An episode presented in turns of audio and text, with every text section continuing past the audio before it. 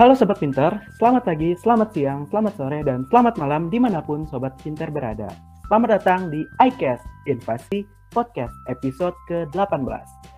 Sebelum itu, aku mau mengingatkan kepada Sobat Pinter untuk mendengarkan iCast episode sebelum-sebelumnya, agar Sobat Pinter bisa mengetahui lebih dalam mengenai inovasi, akademik, dan prestasi.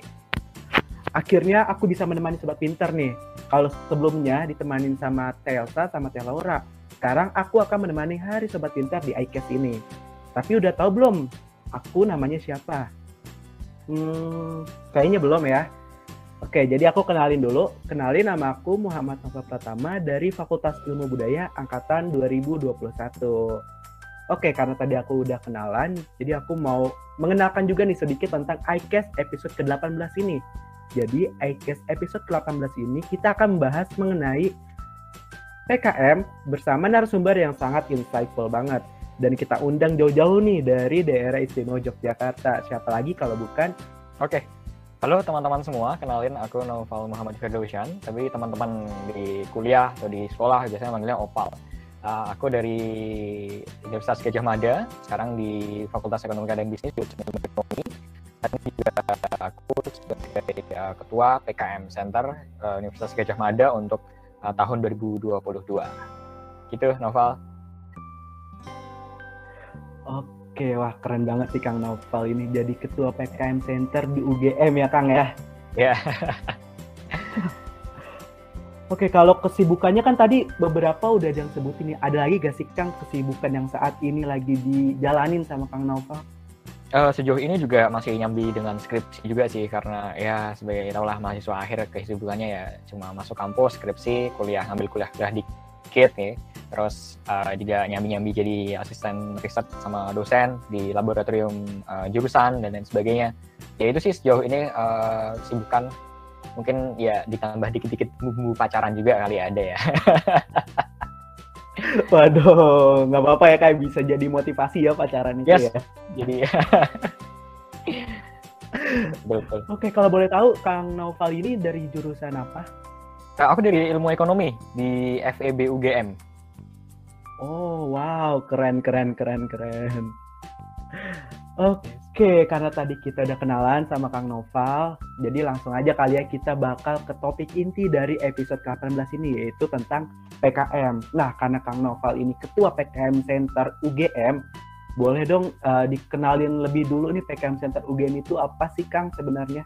Oke, jadi uh, PKM Center UGM sendiri itu merupakan salah satu komunitas mahasiswa di Universitas Gajah Mada di mana uh, ini fokus untuk membantu memfasilitasi teman-teman mahasiswa UGM untuk ikut kegiatan program kreativitas mahasiswa yang diadakan oleh uh, Kemdikbudristek. Di mana ini memang event tahunan, jadi di ada adanya komunitas PKM Center di UGM ini membantu teman-teman yang mahasiswa UGM nih yang mau ikut PKM dan difasilitasi oleh UGM melalui PKM Center. Jadi intinya kita uh, sebagai tim yang membantu mahasiswa UGM untuk uh, ikut PKM baik dari nanti awal membentuk proposalnya, dari pelaksanaan PKM-nya sampai nanti persiapan ke timnas atau pekan ilmiah mahasiswa nasional. Jadi itu yang selama ini dilakukan oleh PKM Center UGM. Oh, berarti PKM Center ini dalam bentuknya itu UKM ya, Kang ya? Kalau di UGM beda lagi UKM. Jadi kita punya dua nomenklatur nih kalau di UGM. Ada yang namanya UKM, ada yang namanya komunitas. Kalau UKM itu fokus untuk menampung minat bakatnya mahasiswa, misalnya kayak UKM olahraga, UKM seni, dan lain sebagainya. Nah, sedangkan kalau komunitas sendiri di UGM itu khusus penyebutan bagi organisasi dalam tanda kutip yang dia membantu teman-teman mahasiswa UGM untuk ikut uh, perlombaan khususnya ada di Dikti. Misalnya kalau nanti ada kontes buat Indonesia misalnya. Nah, itu nanti ada komunitas beda lagi nih di UGM yang ngurus gitu. Nah, jadi kita istilahnya komunitas kalau di UGM bukan UKM. Gitu. Oh, oke okay, oke okay, oke. Okay. Berarti uh, emang dikhususkannya untuk si PKM-nya ini ya, Kang ya? Ya, jadi istilahnya komunitas. Jadi ada banyak komunitas sebenarnya di UGM. Komunitas yang khusus untuk robot, untuk yang robot terbang ada lagi, untuk yang kompetisi statistik itu itu beda-beda lagi nanti. Dan fokusnya untuk berprestasi intinya gitu. Oke, wow, keren banget sih. Oke, uh, di UGM sendiri kan ada PKM Center ya. Kalau menurut ya. Kang Nova sendiri, pentingnya PKM Center bagi mahasiswa yang apa namanya di UGM ataupun di luar UGM itu apa sih Kang sebenarnya? Nah, sejauh ini memang uh, kita dibentuk untuk uh, internal ya khusus untuk UGM itu sendiri karena ya namanya juga PKM Center UGM jadi kita membantu memfasilitasi teman-teman dari UGM untuk ikut ikut PKM keberadaan PKM Center UGM sendiri itu sebenarnya uh, nanti sifatnya adalah koordinasi dan juga uh, memfasilitasi ya jadi ketika mahasiswa untuk mau UGM mau ikut PKM itu pasti akan melalui PKM Center Kenapa? Karena uh, PKM Center UGM sendiri memang sudah diberikan mandat oleh dari universitas untuk membantu pelaksanaan uh, eh, PKM itu sendiri dari mulai awal pembentukan proposal bahkan sebelum membentuk proposal kayak mencari ide, mencari dosen, mencari tim misalnya sampai pada akhirnya nanti uh, PIMNAS. Jadi keberadaannya sendiri memang menjadi apa ya? Sangat-sangat membantu banget mahasiswa UGM untuk uh, ikut untuk ikut PKM itu sendiri karena ya kita tahu PKM Center UGM ya itu membantu dari awal sampai akhir pelaksanaan kegiatan PKM di UGM. Sampai sebenarnya hal-hal yang kecil tadi itu sampai uh, misalnya membentuk tim, mencari dosen dan lain sebagainya itu difasilitasi oleh PKM Center UGM. Oke, wah benar banget sih karena uh, fasilitas uh, PKM Center ini sebenarnya memang dibutuhkan banget sama mahasiswa karena dari mahasiswa-mahasiswa ini ketika mereka punya ide, ketika mereka pengen buat ikut PKM tapi nggak ada wadahnya itu sangat kesulitan ya Kang ya? Ya betul. Jadi memang kita memudahkan sebenarnya intinya memudahkan mahasiswa UGM uh, untuk ikut PKM karena aku pernah mendengar juga ada beberapa universitas yang dia uh, harus langsung masuk ke jadi tidak dikoordinasi oleh PKM Center di sana. Jadi langsung masuk ke Hitmawa misalnya direktorat kemahasiswaannya uh, universitas tersebut baru nanti ke pusat gitu dan dan terkadang itu tidak terkoordinasi dengan baik. Jadi dengan kemudian PKM Center ini sebenarnya akan cukup membantu karena isinya juga tidak hanya dosen ya PKM Center. Karena isinya mahasiswa-mahasiswa juga yang sudah menjadi alumni PKM pada tahun-tahun sebelumnya. Wah keren banget sih, berarti emang bener jadi wadah banget buat mahasiswa UGM ya. fokusnya ya. Ya, Oke. Okay. betul kita keluar dari PKM Centernya nih kita bakal membahas tentang PKM-nya itu sendiri. Nah, gimana sih menurut Kang Novel nih supaya kita bisa menemukan ide atau tema buat PKM atau proposal PKM yang bakal kita ajukan nanti? Oke. Yang pertama-tama yang perlu teman-teman tahu adalah PKM itu ada banyak macam jenisnya. Dari mulai PKM yang penelitian, penelitian pun dibagi jadi dua ya, penelitian riset sosial humaniora sama riset eksakta ada lagi PKM pengabdian masyarakat, ada lagi PKM kewirausahaan, PKM karsa cipta, penerapan IPTEX dan lain sebagainya. Nah, yang pasti teman-teman tentukan adalah yang pertama jangan berpikir dulu kalian mau masuk eh, PKM apa, tapi yang penting adalah kalian punya ide apa dulu.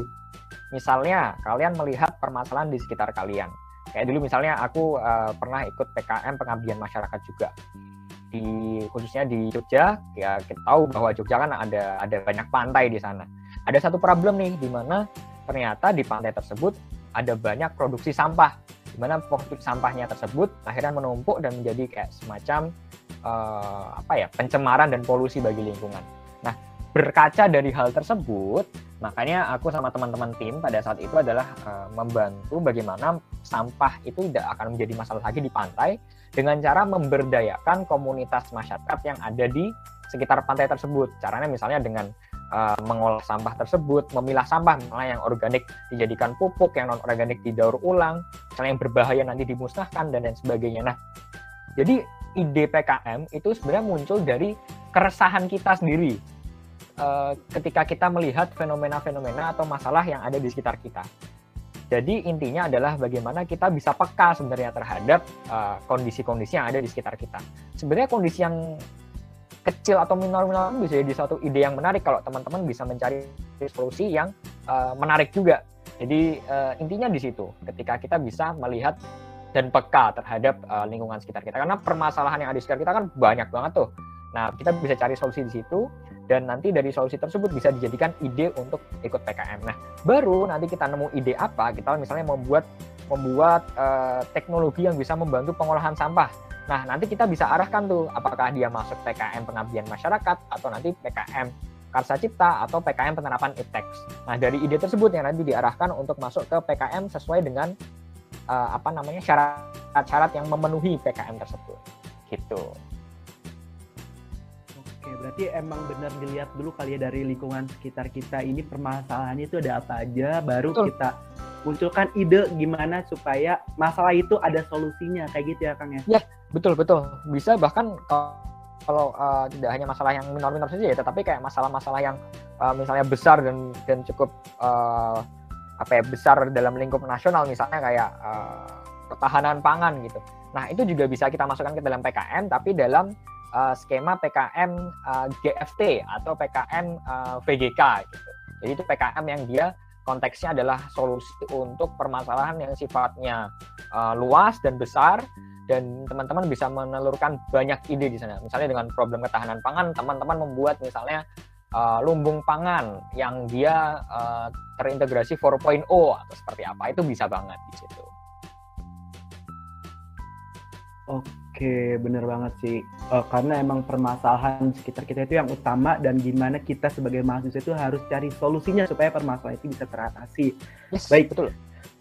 Oke, kita ke next uh, ini ya, kita ke next ke pertanyaan berikutnya.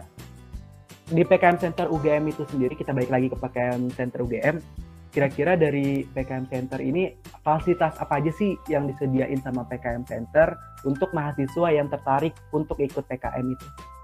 Oke, jadi kita mulai PKM Center UGM itu mulai ibaratnya dari hulu sampai hilir ya ibaratnya. Dari mulai awal banget teman-teman UGM itu membentuk tim, mencari dosen, sampai nanti teman-teman maju ke PIMNAS, sampai ke tingkat nasional gitu ya. Yang pasti yang pertama kita memfasilitasi teman-teman UGM untuk ada namanya workshop penggalian ide PKM jadi nanti di situ uh, bersama dengan dosen-dosen pembinanya PKM UGM, nanti teman-teman mahasiswa UGM itu akan di dalam karena ini dua tahun ini kita zoom ya, dalam di dalam zoom itu diberikan uh, semacam pemantik ide dan menjelaskan PKM itu apa-apa aja sih, PKM PM, PKM PI dan seterusnya. Nah di situ nanti teman-teman mahasiswa akan digodok tuh idenya. Jadi bisa tanya jawab langsung dengan dosen. Oh ternyata kalau ide ini bisa ditambahkan dengan teknologi ini nih atau misalnya ide ini sudah tidak relevan karena sudah banyak judul yang lolos misalnya. Nah, itu nanti akan dibantu oleh dosen untuk mencari ide tersebut. Nah, setelah ide, yang kedua pasti eh, PKM Center akan membantu teman-teman UGM untuk membantu tim, mencari tim, dan mencari dosen pendamping. Jadi kita ada yang namanya Biro Jodoh PKM nih. Jadi uh, Biro Jodoh PKM ini intinya adalah mempertemukan tim yang dia kekurangan anggota atau ang mahasiswa UGM yang pengen ikut PKM tapi belum dapat tim di situ nanti akan kita bantu untuk mencarikan timnya. Walaupun terkadang teman-teman seringnya teman-teman mahasiswa UGM juga sudah mandiri gitu untuk dia cari tim sendiri dan udah dapat dosen pendamping sendiri. Nah, setelah itu nanti kita memfasilitasi untuk teman-teman setelah membentuk tim nih, memfasilitasi teman-teman UGM untuk ikut seleksi internal. Di seleksi internal itu nanti teman-teman dari mahasiswa UGM akan submit proposalnya berdasarkan buku panduan yang ada sampai nanti direview oleh dosen pembina UGM. Nah, begitu seterusnya uh, kegiatan-kegiatan itu sampai nanti pada akhirnya PIMNAS. Karena PIMNAS nanti treatmentnya akan berbeda lagi nih. Kita akan ada bootcamp, kita akan ada yang namanya uh, pendampingan poster, pendampingan pembentukan PPT, latihan presentasi, macam-macam pokoknya menjelang PIMNAS. Jadi kita sapu bersih ibaratnya PKM Center tuh di UGM ya, membantu dari hulunya, dari membentuk timnya, sampai nanti ke PIMNAS di tingkat nasionalnya. Oke, Tadi uh, ngomongin soal ide, uh, gimana sih kalau misalkan kita sebagai mahasiswa nih Kang, kita udah punya ide, kita udah punya gagasan gitu tentang apa yang bakal kita uh, masukin ke proposal PKN kita. Tapi kita belum punya teman yang cocok nih di dalam satu tim. Nah, gimana sih tips supaya kita bisa punya uh, teman yang cocok dan sesuai sama ide yang udah kita uh, pikirkan gitu supaya hasil dari proposal PKM ini bisa tembus nanti di PIMNAS kayak gitu kan. Oke, ya ini memang jadi satu hal yang cukup krusial ya untuk membentuk tim karena pengalaman-pengalaman yang lalu memang uh, tim ini menjadi apa ya sangat penting karena ya keseharian untuk melaksanakan programnya kan nanti juga sama teman satu tim ya. Ada banyak kasus soalnya nih teman-teman di UGM dulu tuh yang misalnya temannya tiba-tiba ngeghosting, hilang, terus tiba-tiba ada yang nggak bisa nggak bisa untuk apa namanya nggak bisa untuk ikut lagi PKM atau bahkan yang dia uh, sampai nggak ada kabar berhari-hari bahkan berminggu-minggu gitu.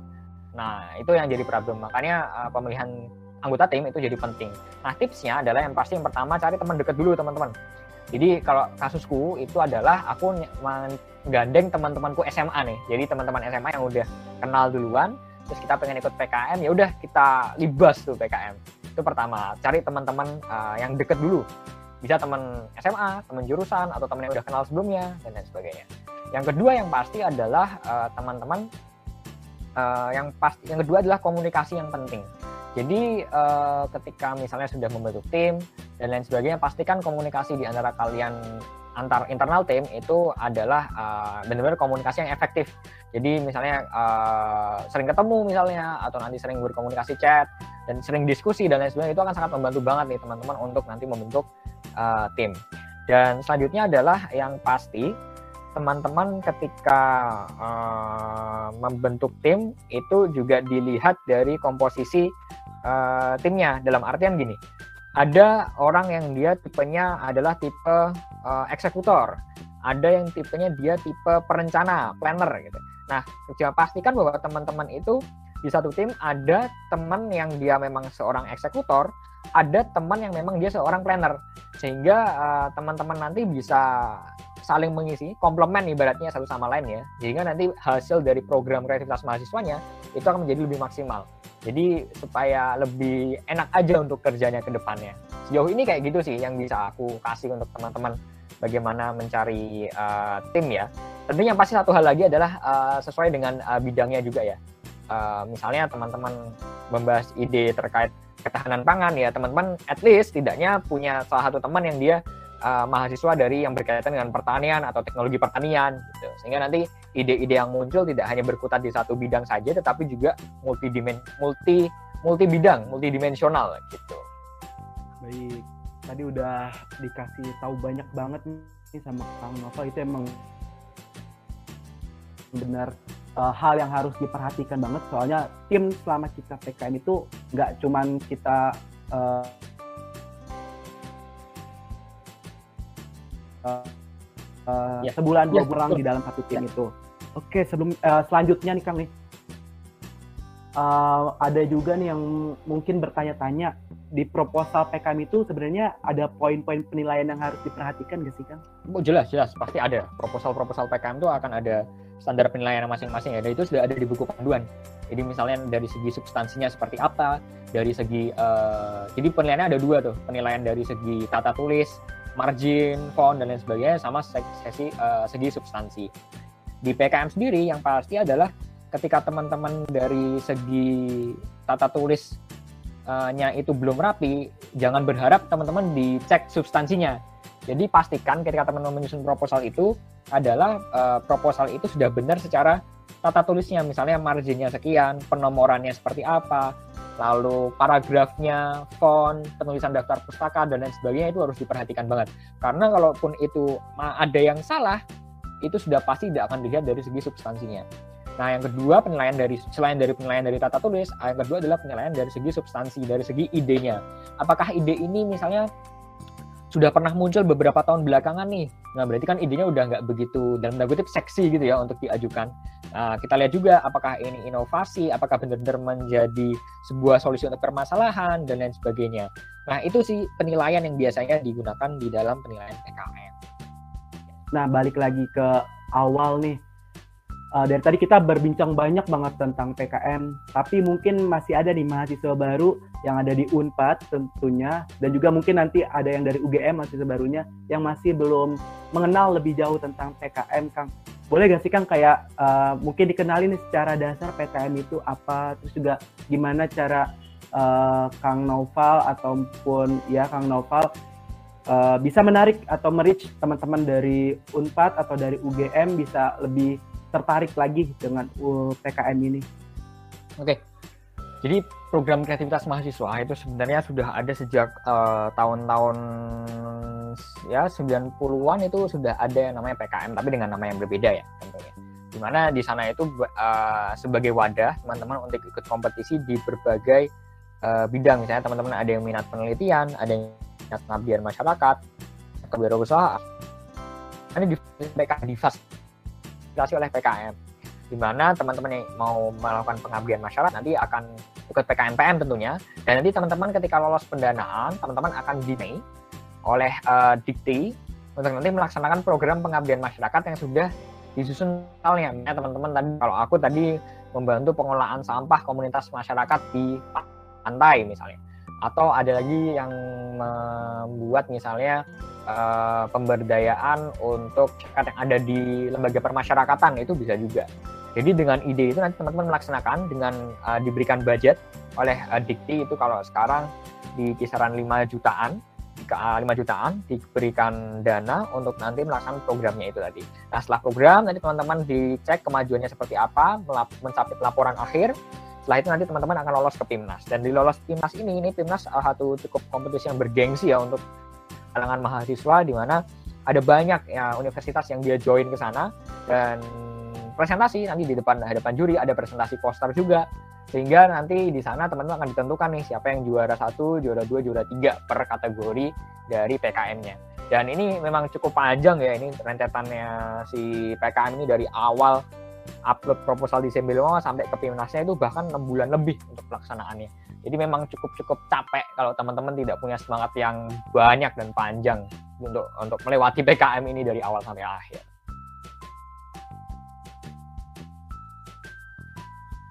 Oke, bener banget. Tadi udah dijelasin banget tuh secara rinci sama Kang Novel PKM itu apa, terus tujuannya apa, dan gimana supaya kita bisa lolos ke PIMNAS. Karena PIMNAS ini ajang bergengsi tadi benar yang diomongin sama ya. Kang Novel. Oke, uh, mungkin juga ini ada uh, pertanyaan dari kita ya sebagai mahasiswa uh, awam ya. tentunya. Kalau misalkan nih kita uh, tim kita mengajukan uh, proposal PKM, namun ketika sudah lolos pendanaan, kita gagal nih untuk melaksanakan atau melakukan program yang kita buat sendiri itu nantinya akan berdampak seperti apa ya Kang kalau boleh tahu? Jadi ketika dia udah dapat pendanaan dari Dikti terus dia uh, timnya nggak melaksanakan programnya gitu ya? Betul. Ya, jadi yang pasti uh, saya kurang tahu ya apakah bagaimana dinamikanya yang di tim tim penilaian juri sana. Tapi yang pasti akan ada mungkin bisa jadi aku nggak tahu ya pastinya apakah benar atau enggak tapi bisa jadi mungkin akan ada pengurangan kuota dari universitas tersebut untuk uh, ikut untuk lolos pendanaan di tahun setelahnya. Jadi dampaknya tuh bukan di saat ini bisa jadi dampaknya malah di tahun depan ya. Dampak ke adik-adik tingkatnya atau dampak ke teman-teman lainnya yang ikut PKM di tahun depan sejauh ini yang aku tahu gitu sih untuk kalau misalnya nggak nggak melaksanakan itu. Dan tentunya nggak lolos PIMNAS ya. Bener banget. Kayak itu harus banget di highlight ya buat teman-teman. Jangan cuman pengen ikut PKM tapi incer dananya aja. Tapi benar-benar harus bisa menjalankan program yang udah kalian canangkan itu. Supaya ya. nantinya nggak berdampak ke uh, yang lainnya ya Kang ya. Ya betul. Oke, karena tadi kita udah ngebahas banyak banget seputar PKM, mungkin juga uh, teman-teman sobat pinter yang mendengarkan podcast kali ini udah punya sedikit gambaran lah nanti harus seperti apa di PKM terus juga nanti harus ngambil ide apa itu mungkin udah tergambar lah di pikiran kita masing-masing. Sebelum kita menutup podcast iCast episode ke-18 ini, mungkin dari Kang Noval ada closing statement gak nih Kang? Oke, jadi bagi teman-teman mahasiswa Unpad nih yang mau ikut PKM pastinya yang uh, penting adalah semangat dan niatnya itu harus dinomor satukan prioritas. Karena uh, tanpa adanya niat dan semangat yang cukup uh, panjang ya untuk bisa ikut PKM akan ibaratnya akan berhenti tengah jalan nanti malah sia-sia kasihan nanti teman-temannya yang mau ikut PKM di tahun depan. Itu yang pasti yang pertama. Dan yang kedua adalah cari tim yang solid, tim yang bisa uh, saling mengisi satu sama lain, komplement. Jadi yang tim mana yang bisa eksekutor, mana yang bisa jadi planner, itu perlu dipertimbangkan juga untuk nantinya bisa memudahkan teman-teman pelaksanaan program di masa-masa PKM. Dan yang ketiga adalah teman-teman harus memahami kalau mau ikut PKM ya, pastikan buku pedoman itu paham luar dalam, di luar otak deh. Pokoknya panduan dari segi misalnya gimana cara nulis uh, margin marginnya berapa, fontnya berapa, penomorannya seperti apa, subbabnya seperti apa, itu harus paham-paham benar. Karena itu akan menjadi kunci yang cukup penting untuk teman-teman bisa lolos di pendanaan PKM. Ini masih pendanaan ya, belum yang timnas ya. Karena timnas nanti akan ada lagi uh, uh, cara-cara untuk untuk melaksanakan uh, untuk bisa lolos timnas melalui pelaksanaan kegiatannya tadi. Jadi tiga itu sih yang bisa aku sampaikan ke teman-teman ketika teman-teman di mahasiswa di Unpad nih mau ikut uh, eh, PKM yang dilakukan yang dilaksanakan oleh uh, Kemendikbudristek. Oke, makasih sebelumnya buat Kang Naufal Muhammad Firdausyan yang udah ya. uh, meluangkan waktunya untuk memberikan uh, sedikit informasi untuk kita semuanya mengenai PKM Center di UGM ataupun ya. PKM secara keseluruhan. Siap. Sama-sama. Uh, gitu ya. ya. Baik Kang, terima kasih kembali. Uh, mungkin sekian dari aku di iCast episode ke-18 ini. Jangan lupa untuk Sobat Pinter untuk uh, memfollow semua sosial media Unpad Pinter, yaitu ada di Instagram, di Line, di Spotify, dan juga di uh, Gmail dan YouTube. Jangan lupa untuk di follow. Mungkin sekian dari aku. Terima kasih untuk Sobat Pinter yang sudah mendengarkan iCast episode 18 ini. Semoga mendapatkan sedikit informasi dan uh, bisa menjadi motivasi untuk kita mengikuti PKM di 2023 nanti. Terima kasih dari aku. Wassalamualaikum warahmatullahi wabarakatuh. Sampai jumpa di iCast episode berikutnya.